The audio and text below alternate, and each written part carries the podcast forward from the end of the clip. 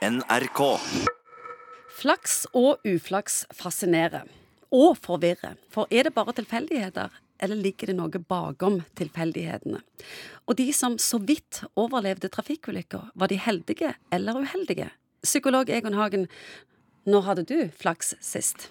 Ja, jeg har hatt flaks i forbindelse med mange ting i livet. Men om det er flaks eller hva det er for noe jeg tror Ja, Skal vi først definere ja, jeg, tror- jeg, flaks? jeg tror vi skal prøve det. Altså, jeg har jo på en måte relativt begrensa entusiasme for sånne overtroiske begreper. Jeg tror at uh, det er mye tilfeldigheter det går. Jeg tror Hvis vi skal lage litt psykologi ut av dette, og det er jo kanskje noe av poenget med at jeg er her, så tror jeg mer Noen er sånn kanskje at de filtrerer opplevelsene. Det er en måte å filtrere og kategorisere opplevelser på. Noen vil kanskje legge merke til ting som er positivt, og sier liksom å, Jesus, liksom, jeg er ganske heldig, jeg, og kona er ikke så verst, liksom, og egentlig er ganske Frisk jobbig. og rask.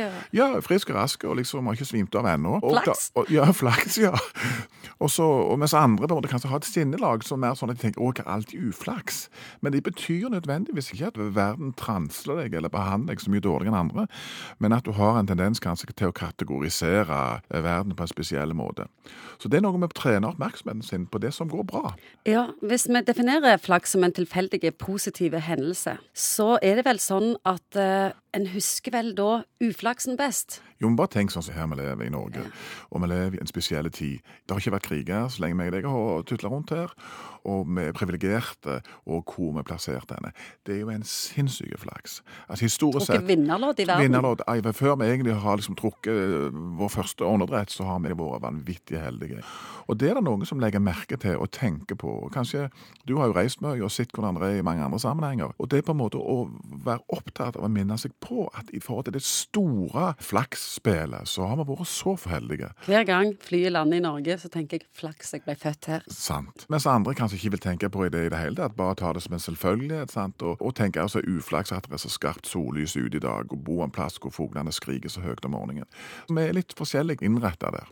Jeg leste en gang noe som satte seg igjen hos meg. Det handler ikke om å ha flaks og uflaks, det handler om å gjøre seg tilgjengelige for flaks. Ja, klart det. Det Og- nytter ikke å sitte hjemme Nei, og tro at du skal finne kjærleiken. Det er kjempepoeng. Og klart at eh, Hvis du sitter hjemme og venter på at det skal komme en beiler på døra, du må eksponere deg for det som faktisk flaksen kan inntreffe. Altså, hvis du aldri spiller på Lotto, så kan du i hvert fall ikke vinne. Du må i hvert fall være en deltaker og en player for flaksen kan treffe deg. Det du sier nå, det er at det går an å trene flaksen sin.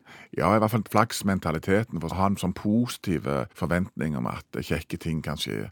Jo mer du gjør det, jo større sannsynlighet er det for at du eksponerer deg for situasjoner hvor det kan skje, og kanskje du òg da er heldige, for å bruke sånn ord. Kan vi da òg si at eh, heldige mennesker generelt sett har enkeltpersonlighetstrekk som eh, utadvendt, intuitive eller positive? Jeg tror at det er mer det det handler om faktisk enn noe annet. Jeg har ikke noe tro på at det er noen som regulerer hvem som skal eh, få lys på seg eller ikke, men jeg tror det handler om å eksponere seg for sånne situasjoner. Vi må plassere oss i situasjoner hvor gode ting kan hende. Og utadvendte, positive mennesker de bruker ikke mye energi på å sitte og dvele ved nederlag heller. Nei, det, det, vi har jo blitt enige om det før, at en viktig forutsetning for et lykkelig liv det er et godt utvikla glemsel, og det, det, gjelder, det gjelder virkelig, det.